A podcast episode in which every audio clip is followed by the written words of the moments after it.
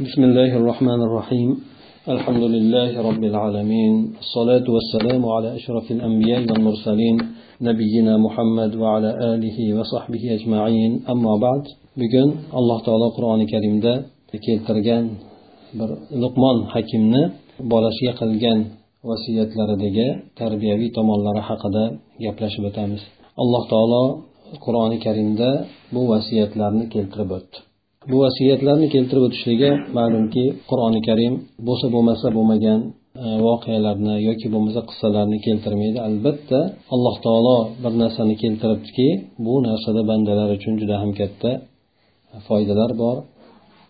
O'sha narsada bandalar uchun dunyo oxiratda baxt saodati bordir. Xosatan luqmonga qissasini bolasi bilan bo'lgan vasiyatlarini yoki bolasiga bo'lgan vasiyatlarini keltirayotgan paytida alloh taolo oldindan aytib o'tadiki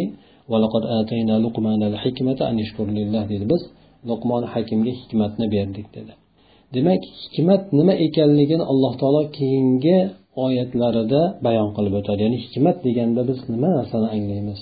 Hikmat deganda hamma odam to'g'risi o'zi tushunadigan narsalarnimi yoki bo'lmasa albatta hikmat insonni dunyoyu oxiratiga foyda beradigan narsalarda ishlatsagina o'shani hikmat deb aytiladimi? Agar biz bu luqmon hakimni farzandiga qilgan vasiyatlari o'sha to'g'risida kelgan oyatlarni qaraydigan bo'lsak hikmatdan murod insonni dunyoyu oxiratda foyda beradigan narsalarga yo'llab qo'yishlik insonlarni.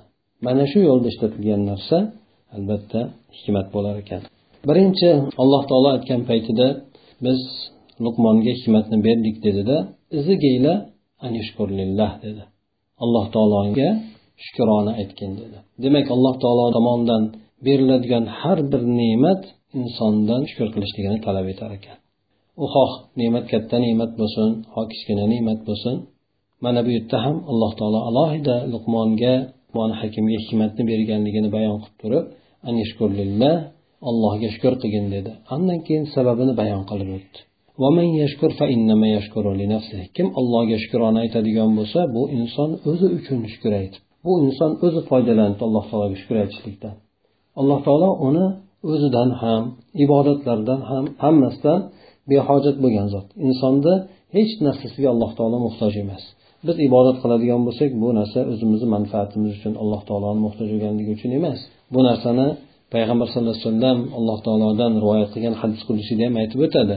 Agar insonlarni hammasi jinlarni hammasi odam alayhissalomdan tortib to qiyomatgacha bo'ladiganlar hammasi eng ajoyib bo'lgan insonni qalbida bo'ladigan bo'lsa ham hammasi bir xil suratda hattoki eng ibodatli kimsa bo'lgan payg'ambar sallallohu alayhi vasallamni qalbidaqa bo'ladigan bo'lsa hammasi alloh taoloni mulkida biron narsani ziyoda qilmaydi deydi. Ya'ni hamma insonlar payg'ambar alayhissalomdaqa ibodat qilishadigan bo'lsa ham alloh taoloni mulkini hech narsasini ziyoda qilmaydi. Yoki hamma insonlar jinlar bo'lsin odam alayhissalomdan tortib qiyomatgacha bo'lgan insonlar bo'lsin bular eng rasvo qalbda bo'ladigan bo'lsa ham aytaylik shaytonni qalbidaqa bir yoki fir'avnni qalbidaqa bo'lgan taqdirda ham bular alloh taoloni mulkidan biron narsani kamaytirib qo'ymaydi dedi. Demak bu insonlarni qiladigan amallari faqatgina o'zlari uchun ekan. Shuning uchun alloh taolo aytdiki kim shukrona aytadigan bo'lsa bu inson o'zini manfaati uchun aytibdi dedi. Endi kimki nonko'rlik qilsa alloh taolo bergan ne'matlarga nonko'rlik qiladigan bo'lsa nonko'rlik qilishlik nima degani? Tashakkur aytib qo'ymasligini o'zinglar emas balki o'sha narsalarni noto'g'ri yo'lda ishlatishligi. Alloh taolo ko'rsatgan yo'ldan boshqa yo'lga ishlatishligi bu o'sha narsaga ne'matga berilgan nonko'rlik deyiladi. Masalan qaysi a'zo bo'lishidan qat'iy nazar? Insonni tili yaxshi bo'lmagan narsalarga ishlatiladigan bo'lsa bu alloh taoloni bergan ne'matiga nonko'rlik deyiladi. Ko'z ne'mat ham boshqa hamma ne'matlar shuningdekdir. Kimki nonko'rlik qiladigan bo'lsa alloh taolo bunday kimsalarni hammasidan behojatdir dedi. Alloh taologa birontasi zarar berolmaydi balki ular o'zlariga o'zlari zarar beradi. Demak yuqorida oyatda alloh taolo luqmonga hikmatni berganligini bayon qilib o'tdida ana undan keyin luqmonni o'zini farzandiga qilgan vasiyatlarini keltirib o'tdi.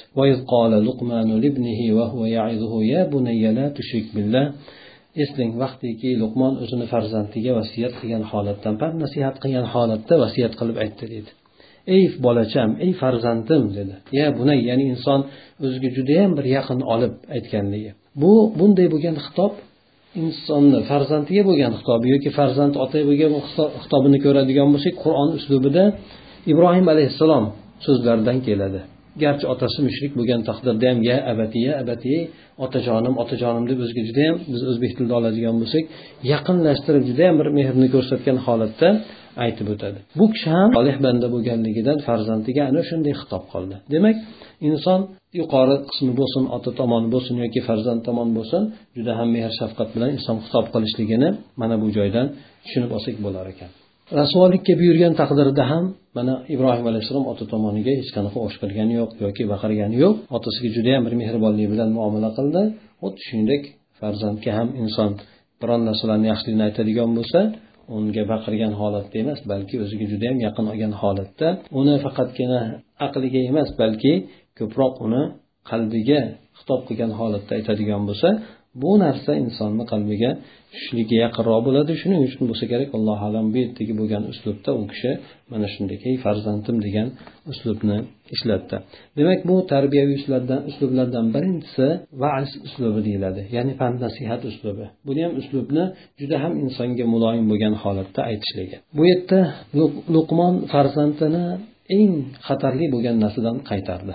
Ma'lumki inson buyuriladigan bo'lsa ham birinchidan ya'ni kattaroq bo'lgan muhimroq bo'lgan narsadan buyurishni boshlaniladi. Xuddi shuningdek biron narsani qaytaradigan bo'lsa ham insonni tarbiyalashlik sohasida yomonligi qattiqroq bo'lgan narsalardan birinchi bo'lib qaytaradi. Bu insonni qaytarishlikdagi uslubi hamdir. Shuning uchun bu kishi aytdiki la tushrik billah ey farzandim shirk keltirmagin chunki shirk judayam katta zulmdir dedi. Kimga bo'lgan zulm bu? Alloh taologa bo'lgan zulmdir. Ya'ni inson alloh uchun qilinadigan ibodatni boshqasi uchun bo'ladigan bo'lsa bu allohni haqqiga qilingan zulm bo'ladida. Bu zulm judayam og'ir zulm hisoblanadi. Shuning uchun nima uchun og'ir desa chunki alloh taolo buni kechirmaydi. Buni qilgan odam albatta do'zaxga ketadi agar tavba qilmaydigan bo'lsa. Shuning uchun bu zulmni og'ir bo'lgan zulm deb aytildi. Shuning uchun sahobalar davrida payg'ambar sallallohu alayhi vasallam ularga oyat tushgan paytda ya'ni iymon keltirgan kimsalar. Va ular hech qaysi birlari agar zulmga aralashmagan bo'ladigan bo'lsa zulm qilmaydigan bo'lsa ular uchun dunyo va oxiratda omonlik xotirjamlik shu bor deb turib oyatda keladi endi. O'shalar hidoyatda bo'ladiganlar dedi. Shunda sahobalar bu oyatni eshitgandan keyin juda g'alati bir holatga tushdi. Savol ham qilishdiki ey rasululloh qaysi birimiz zulm qilmaydi? Ya'ni kim zulm qilmagan bor endi? Oyatda aytyaptiki iymon keltirgani zulm qilmagan bo'lsa deyapti. Ya'ni zulm qilmagan bo'lsa zulm qilgan bo'lsachi unda? Ular uchun omonlik yo'qmi oxiratda? Ular hidoyatda bo'lmaydimi? degan savolni berishadi. Shunda payg'ambar alayhisalom aytadiki ularni xotirjam qilgan holatda solih bandani aytgan gapini bilmaysizlarmi eshitmaganmisizlar?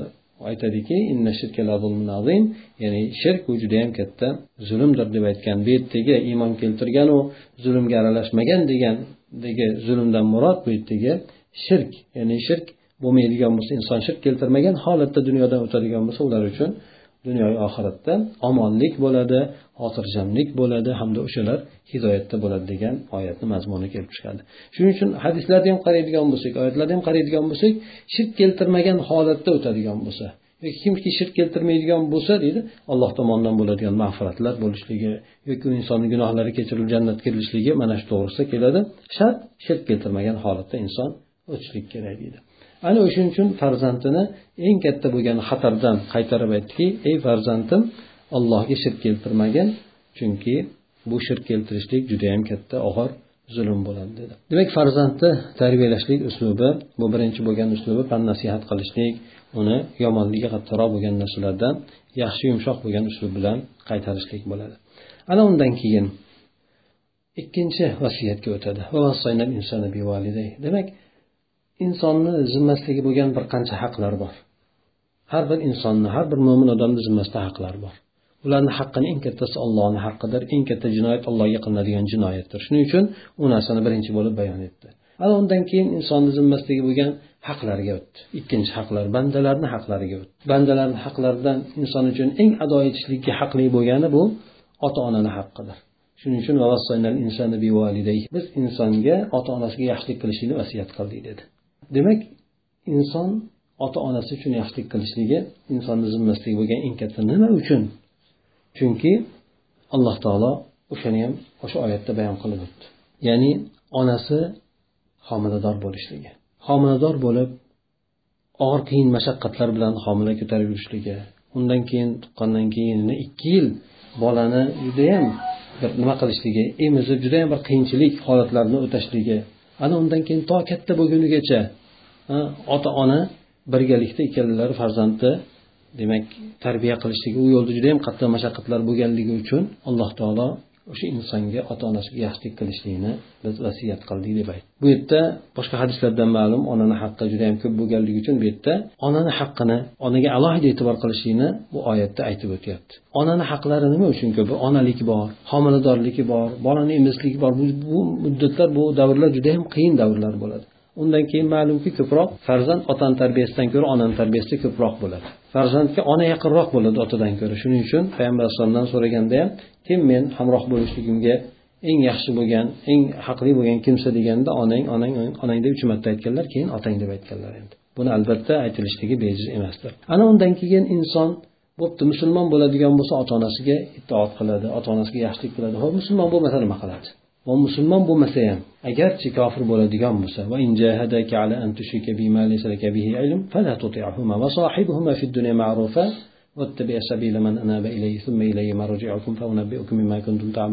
agar endi shu ota ona itoat qilishini alloh taolo ularga yaxshilik qilishini aytgandan keyin mabodo shirkka majburlashsa sen o'zing ilming bo'lmagan narsalarni menga sherik qilishlikka majburlashadigan bo'lsa ana o'shanday bo'lgan holatda bularga itoat qilmagin dedi. Itoat qilmagin deb turib lekin dunyo ishlarida ularga baribir yaxshilik bilan ularga hamroh bo'lgin dedi. Demak allohga hattoki shirk keltirishlikka majburlagan taqdirda ham onangga o'shqirmagin onangga yomonlik qilmagin ota onangga ularni qiynamagin. Ya'ni itoat qilmagin xolos ularga oq bo'lgin demadi. Ularga oq bo'lgin bo'ldi ular tashlab ketgin demadi balki ularga o'sha borada o'sha sohasida o'sha aytgan gapida itoat qilmaginda ularni lekin boshqa ishlarida ularga hamroh bo'lgan. Menga inobat qilgan menga ergashgan bo'lgan kimsalarni yo'liga sen ergashgin dedi. Alloh taologa tavba qilgan kimsalarni yo'liga sen ergashgin dedi.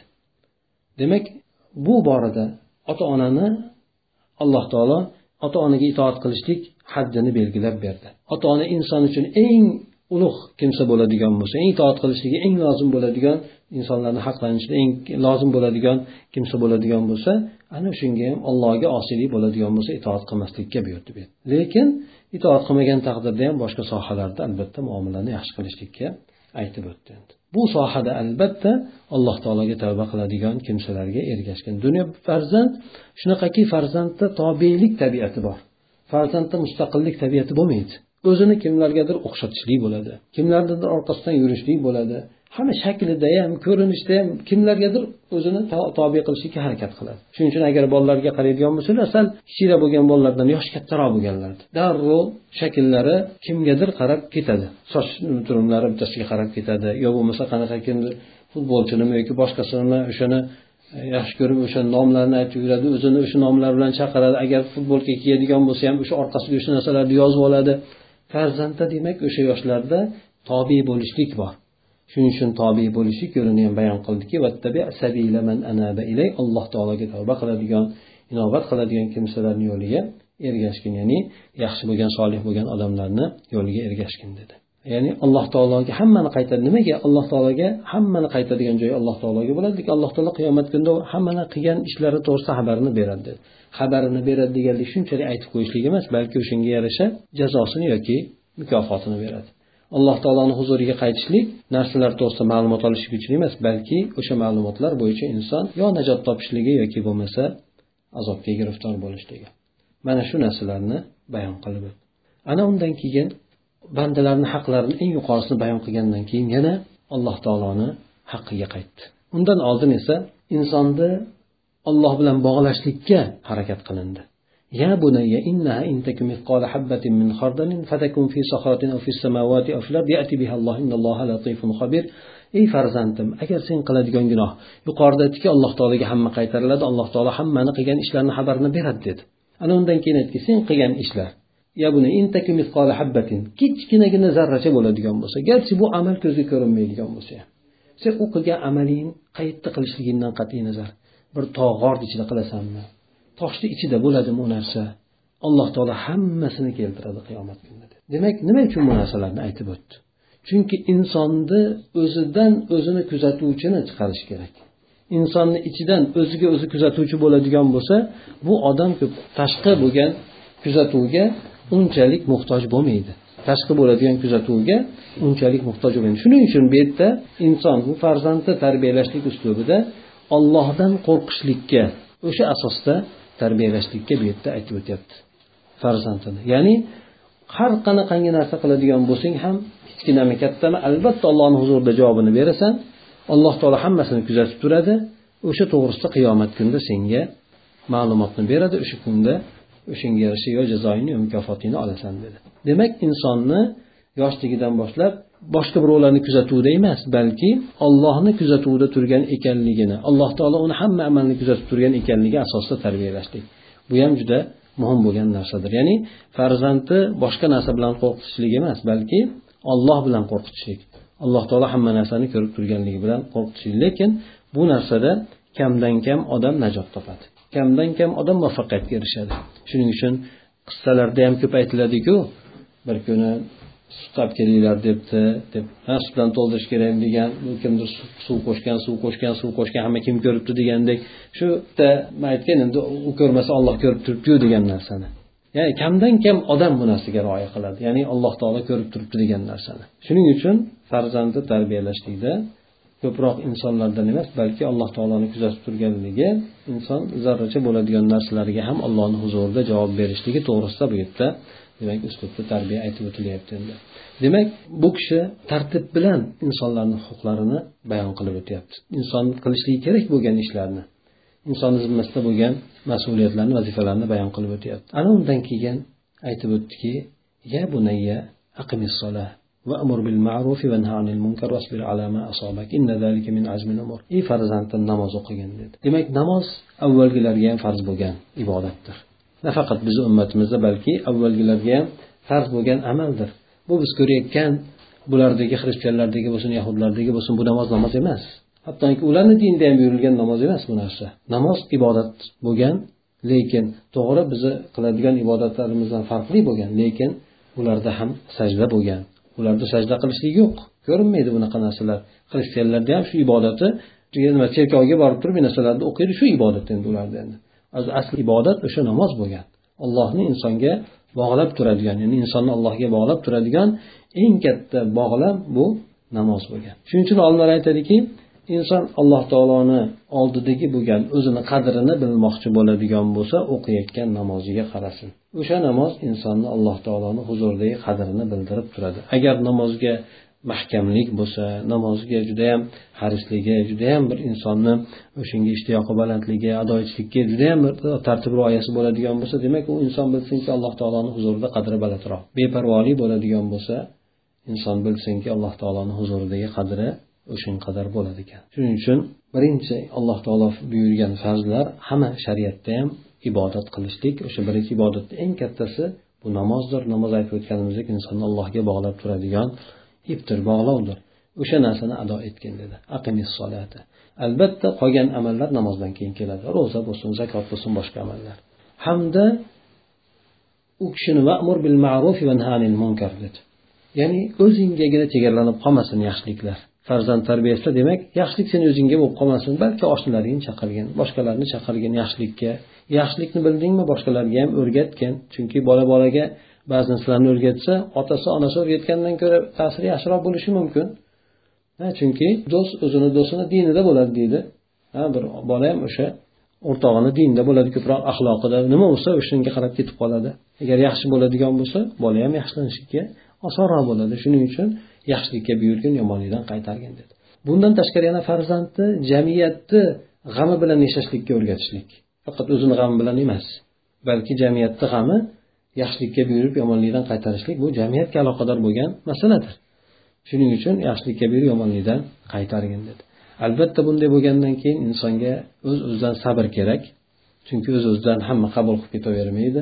Odamlarni o'zidan unga qarshiliklar bo'ladi. Shuning uchun vasbir alama asobak oldindan aytib qo'ydi. Senga o'sha yo'lda nima yetadigan bo'lsa sabr qilgin dedi. Inson o'zi qiladigan ibodatlarda ham qiyinchiliklar bo'ladigan bo'lsa sabr qilgin. Shuningdek odamlarni yaxshilikka buyurganda ham yomonlikdan qaytarganda ham iloji yo'q.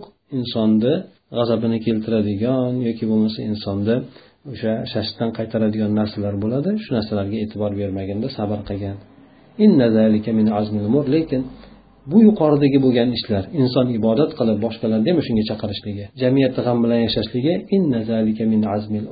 ya'ni bu judayam bir qat'iyatli bo'lgan ishlardandir. Judayam bir insondan qat'iyat talab qiladigan qilsa judayam darajasini yuqoriga ko'taradigan amallardandir deb aytib demak tartib bilan qaraydigan bo'lsak judayam bir ajoyib suratdagi vasiyatlarni farzandiga aytib o'tyapti. Ehtimol farzandini yoshi balog'at yoshiga yetib qolgandir. Ehtimol undan ko'ra kichikroqdir ehtimol undan ko'ra kattaroqdir lekin hammasiga ham o'zini yoshiga yarasha buyurilsa bo'laveradigan vasiyatlardir. Kattaroq bo'lganiga kengroq suratda kichikroq bo'lganiga qisqaroq bo'lgan yengilroq bo'lgan oddiyroq bo'lgan suratda aytib o'tishlik. Ana undan keyin insonni amr ma'ruf nahiy munkar qilishligi jamiyatdagi tutgan o'rniga o'sha ishiga yordam beradigan narsa haqida aytib o'tdi. Bu insondagi axloq odobi edi. Insondagi axloq odobi allohni huzurida ham insonni darajasini ko'taradi. Shuning uchun payg'ambar alayhissalomdan so'ralgan paytda mo'minlarni iymoni eng mukammal bo'lgani eng go'zal bo'lgani qaysi deganda go'zal axloqli bo'lgan mo'min degan. Mo'minlar ichida eng allohni huzuridagi darajasi yuqorisi. Yoki hattoki ba'zi hadislarda ham keladi payg'ambar alayhissalom bilan birga jannatda bo'ladigan. Kim? O'sha axloqi go'zal bo'lganlari deb keladi. Tarozida ham og'ir bosadigan narsa deydi qiyomat kunida bu ham go'zal axloq bo'lishlik ya'ni musulmon odamni axloqi go'zal bo'lishligi deydi. Ana o'sha narsalarni aytib o'tdi oyatlarda aytib o'tadiki endi odamlar bilan muomala qilayotgan paytingda odamlarga kibr qilmagin dedi. Ya'ni odamlarga iyagingni ko'tarib baland qilib o'zingni baland tutmagin. Chunki yuqoridagi narsalarni qilayotgan odam tavozuli bo'lishligi kerak. Chunki yuqoridagi alloh taologa ibodat qilishligi odamlarni yaxshilikka chaqirib yomonlikdan qaytarishligi o'zini odamlardan yuqori tutishlikka olib bormaydi balki alloh taoloni buyrug'ini bajarayotganligidan tavozuli bo'lishlikka insonni undaydi. Shuning uchun odamlarga yaxshilikka chaqirib yomonlikdan qaytarayotgan paytingda axloqingni o'nglagin ularga nisbatan mutakabbir bo'lmagin.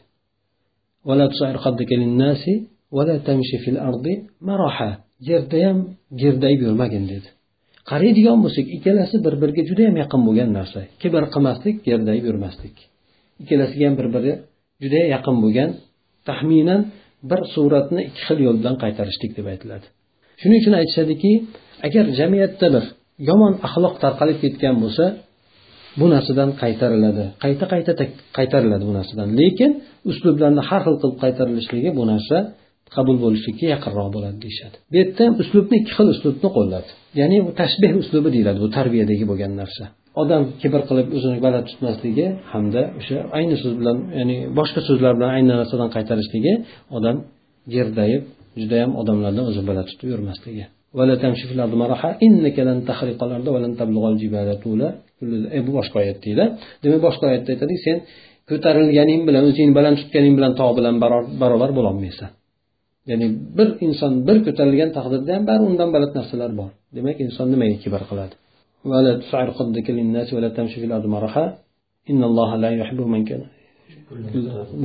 Demak alloh taolo bunday bo'lgan kimsalarni yaxshi ko'rmaydi.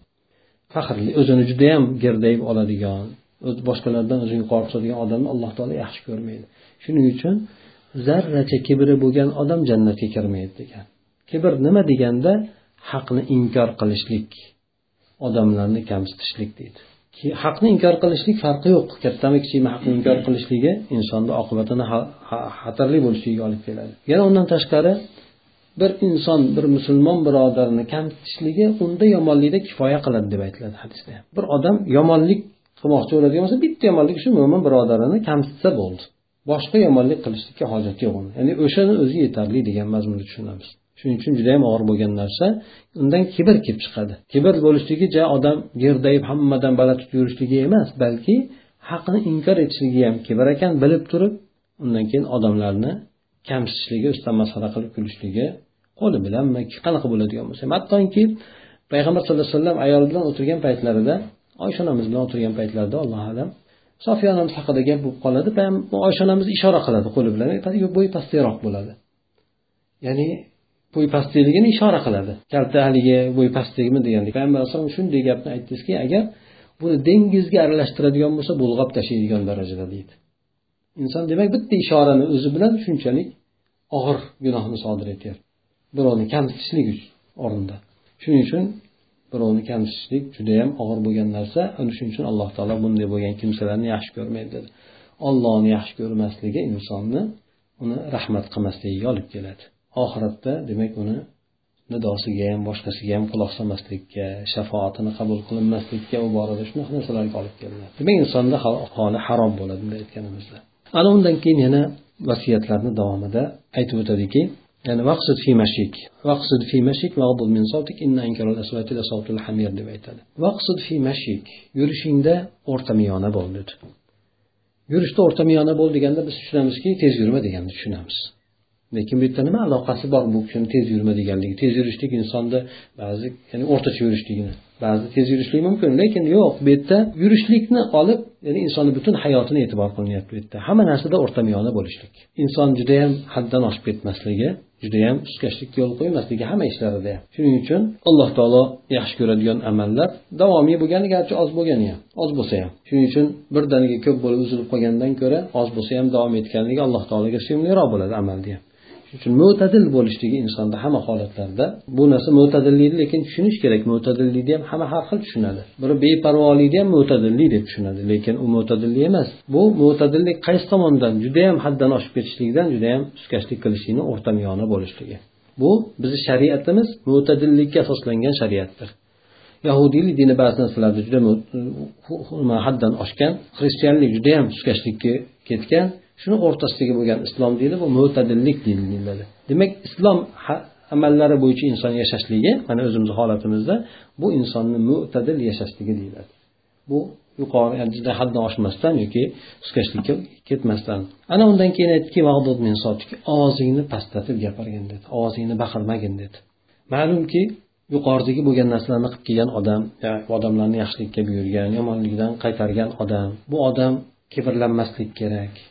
Odamlarni o'rtasida o'rtamiyona bo'lishi kerak odamlarni ham qiynab qo'yadigan holatda emas. Shuningdek ovozingni pastlatgin deganda ovozni kim ko'payt? Balandlatadi. Odatda hujjati yo'q bo'lgan odam birovni o'chirishlik uchun ovozni o'chirishlik uchun bu odam ko'proq ovozini ko'taradi. Hujjat tomondan mag'lub bo'lgan odam ko'proq bu narsa bilan tahdid qiladi. Allohu alam bu narsani ham tushunsak bo'ladi. Sen shunday qilmagin. Ovozingni pasaytirib gapirgin. Chunki ya'ni aytib o'tganimizdek hujjat tomondan mag'lub bo'lgan odam shunday qiladi. Sen hujjatingni yetarli qilganda odamlarga keyin gapirganingda baland ovozingni baland qilmasdan o'shqirmasdan gapirgin. Nimaga? Chunki ovozlarni judayam xunuk bo'lgani eshakni ovozi dedi. Chunki eshakni ovozi nima? Odam bezor bo'ladi. Qulog'iga odamni yoqmaydi. Masalan aytaylik ozon bo'lib baland aytilsa odamni qulog'iga yoqadi. Baland aytilgan taqdirda ham. Lekin ovozlar borki ularni ko'tarilishligi insonni nerviga o'ynaydi umuman inson buni yoqtirmaydi. Demak hamma ovozlar ham baland bo'lishligi yomon emas ekan. Ba'zi ovozlar borki uni ko'tariladigan bo'lsa mana ozonga o'xshab bu narsalar odamlar uchun yaxshilik ya'ni eshitadigan bo'lsa inson rohatlanadi. Lekin ba'zi ovozlar bor ekanki ba'zi ovozni berishlik ovozni chiqarishlik o'rinlari bor ekanki bunday bo'lgan o'rinlarda inson ovozini pastlatishi kerak. Chunki bunda inson ovozini balandlashishligi xuddi eshakni misoliga bu yerda o'xshatilyapti. Haligi aytib o'tganimizdek inson birov xasmini ovozini o'chirishlik uchun ovozini ko'tarib baqirishligi yoki bo'lmasa boshqa o'rinlarda ham keraksiz bo'lgan o'rinlarda ham baqirishligi albatta bu tarbiya uslubidan emas. Shuning uchun bu yerda ham o'sha eshakni ovozidek bo'ladi deb turib bu yerda bu narsani judayam bir xunuk bo'lgan suratga tamsil qilib aytilyapti. Insonni ba'zan ya'ni bu hayvonlarni ishi bunday qilishlik. Hayvonlardan bo'lib aqlsiz bo'lgan hayvonlarni ishi. Ba'zi hayvonlar bor aqlli bo'ladi. Shuning uchun aqlsiz bo'lgan hayvonga ko'proq eshakni misol keltiriladi. Eshak miya deyiladi yoki eshakni misol keltiriladi. Ba'zan hayvonlarni ko'rsak ancha muncha narsalarga aqli yetayotganligini bilamiz lekin eshakda unchalik emas. Shuning uchun bu yerda allohu alam eshakni ham misolini keltirib o'tdiki demak inson o'shanday bo'lgan hayvonlardan ya'ni odamlar nafratlanadigan odamlardan bo'lib qolishlikdan inson saqlanishlik kerak xosatan yuqoridagi bo'lgan sifatdagi bo'lgan kimsalar. Ya'ni odamlarni yaxshilikka buyurib yomonlikdan qaytarib jamiyat g'am bilan yashab shunday bo'ladigan odamlar demak ibodatini ham yaxshilashlik kerak alloh bilan bo'lgan aloqasini ham yaxshilashlik kerak boshqalarga ham e'tiborni qaratishlik kerak shu bilan birgalikda axloqini odobini judayam go'zal qilishlik kerak. Bulardan xosatan tashqi bo'lgan axloqlarini aytib o'tildi bu yerda. Kibr qilishlik bo'lsin yoki bo'lmasa ovozini ko'tarib hamma narsalarda o'rtacha miyoni bo'lishlik lekin ma'naviy bo'lgan tomondan qalbiy bo'lgan tomondan ham insonni axloqlari judayam bir go'zal bo'lishlik kerak bo'ladi. Mana shu vasiyatlarni luqmon hakim o'zini farzandiga qilib o'tdi. Bu shuning uchun alloh taolo bu narsalarni keltirdiki bu har bir inson bundan o'zgarishi xulosa foydalar olishligi mumkin bo'ladi. Shuning uchun yuqorida aytib o'tdiki hikmat mana shu narsa. Hikmat dunyo oxiratda insonni foyda beradigan narsalarga yo'llab qo'yishlik unda zarar beradigan narsalardan qaytarishlik. Mana shu narsa hikmat bo'ladi dedi. Alloh taolo aytdiki kimki hikmatga berilsa qaysi bir insonga hikmat beriladigan bo'lsa ishlarda bu insonga judayam katta yaxshilik berildi judayam katta yaxshilik berilibdi dedi. Mana shu demak insonni tarbiyaviy uslublari mana shu narsa insonda o'sha hikmat bo'lishligi demak yuqoridagi hikmat berildi shukrona qilgin alloh taologa deyishligi demak inson o'zi shukrona qilishligi farzandlariga bo'ladigan o'rnak bo'lishligi ularga aytadigan narsani ta'sirliroq bo'lishligi mana shu narsalarga olib keladi. Mana shu demak e, aytib o'tilgan o'sha oyatlar e, bu oyatlarda e'tiqodga ham taalluqli bo'lgan narsalarni e'tiqodni to'g'irlashlikka chaqirildi ibodatlarga chaqirildi odamlarni odamlarga e'tibor qilishlikka ham odamlarni g'am bilan yashashlikka chaqirildi.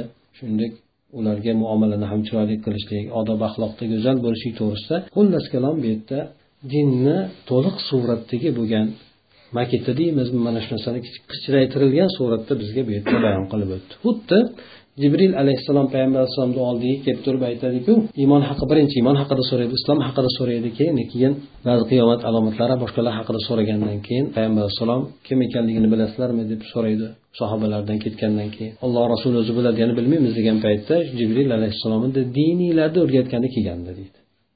Demak din o'sha narsalardan iboratdir. Bu yerda ham ayni mana shu narsalarni bu yerda qisqartirilgan suratda suratini chizib berdi yoki bayon qilib berdi mana shu narsa demak hikmat ekan سبحانك اللهم وبحمدك نشهد ان لا اله الا انت نستغفرك ونتوب اليك اللهم انفعنا بما علمتنا وعلمنا ما ينفعنا وزدنا علما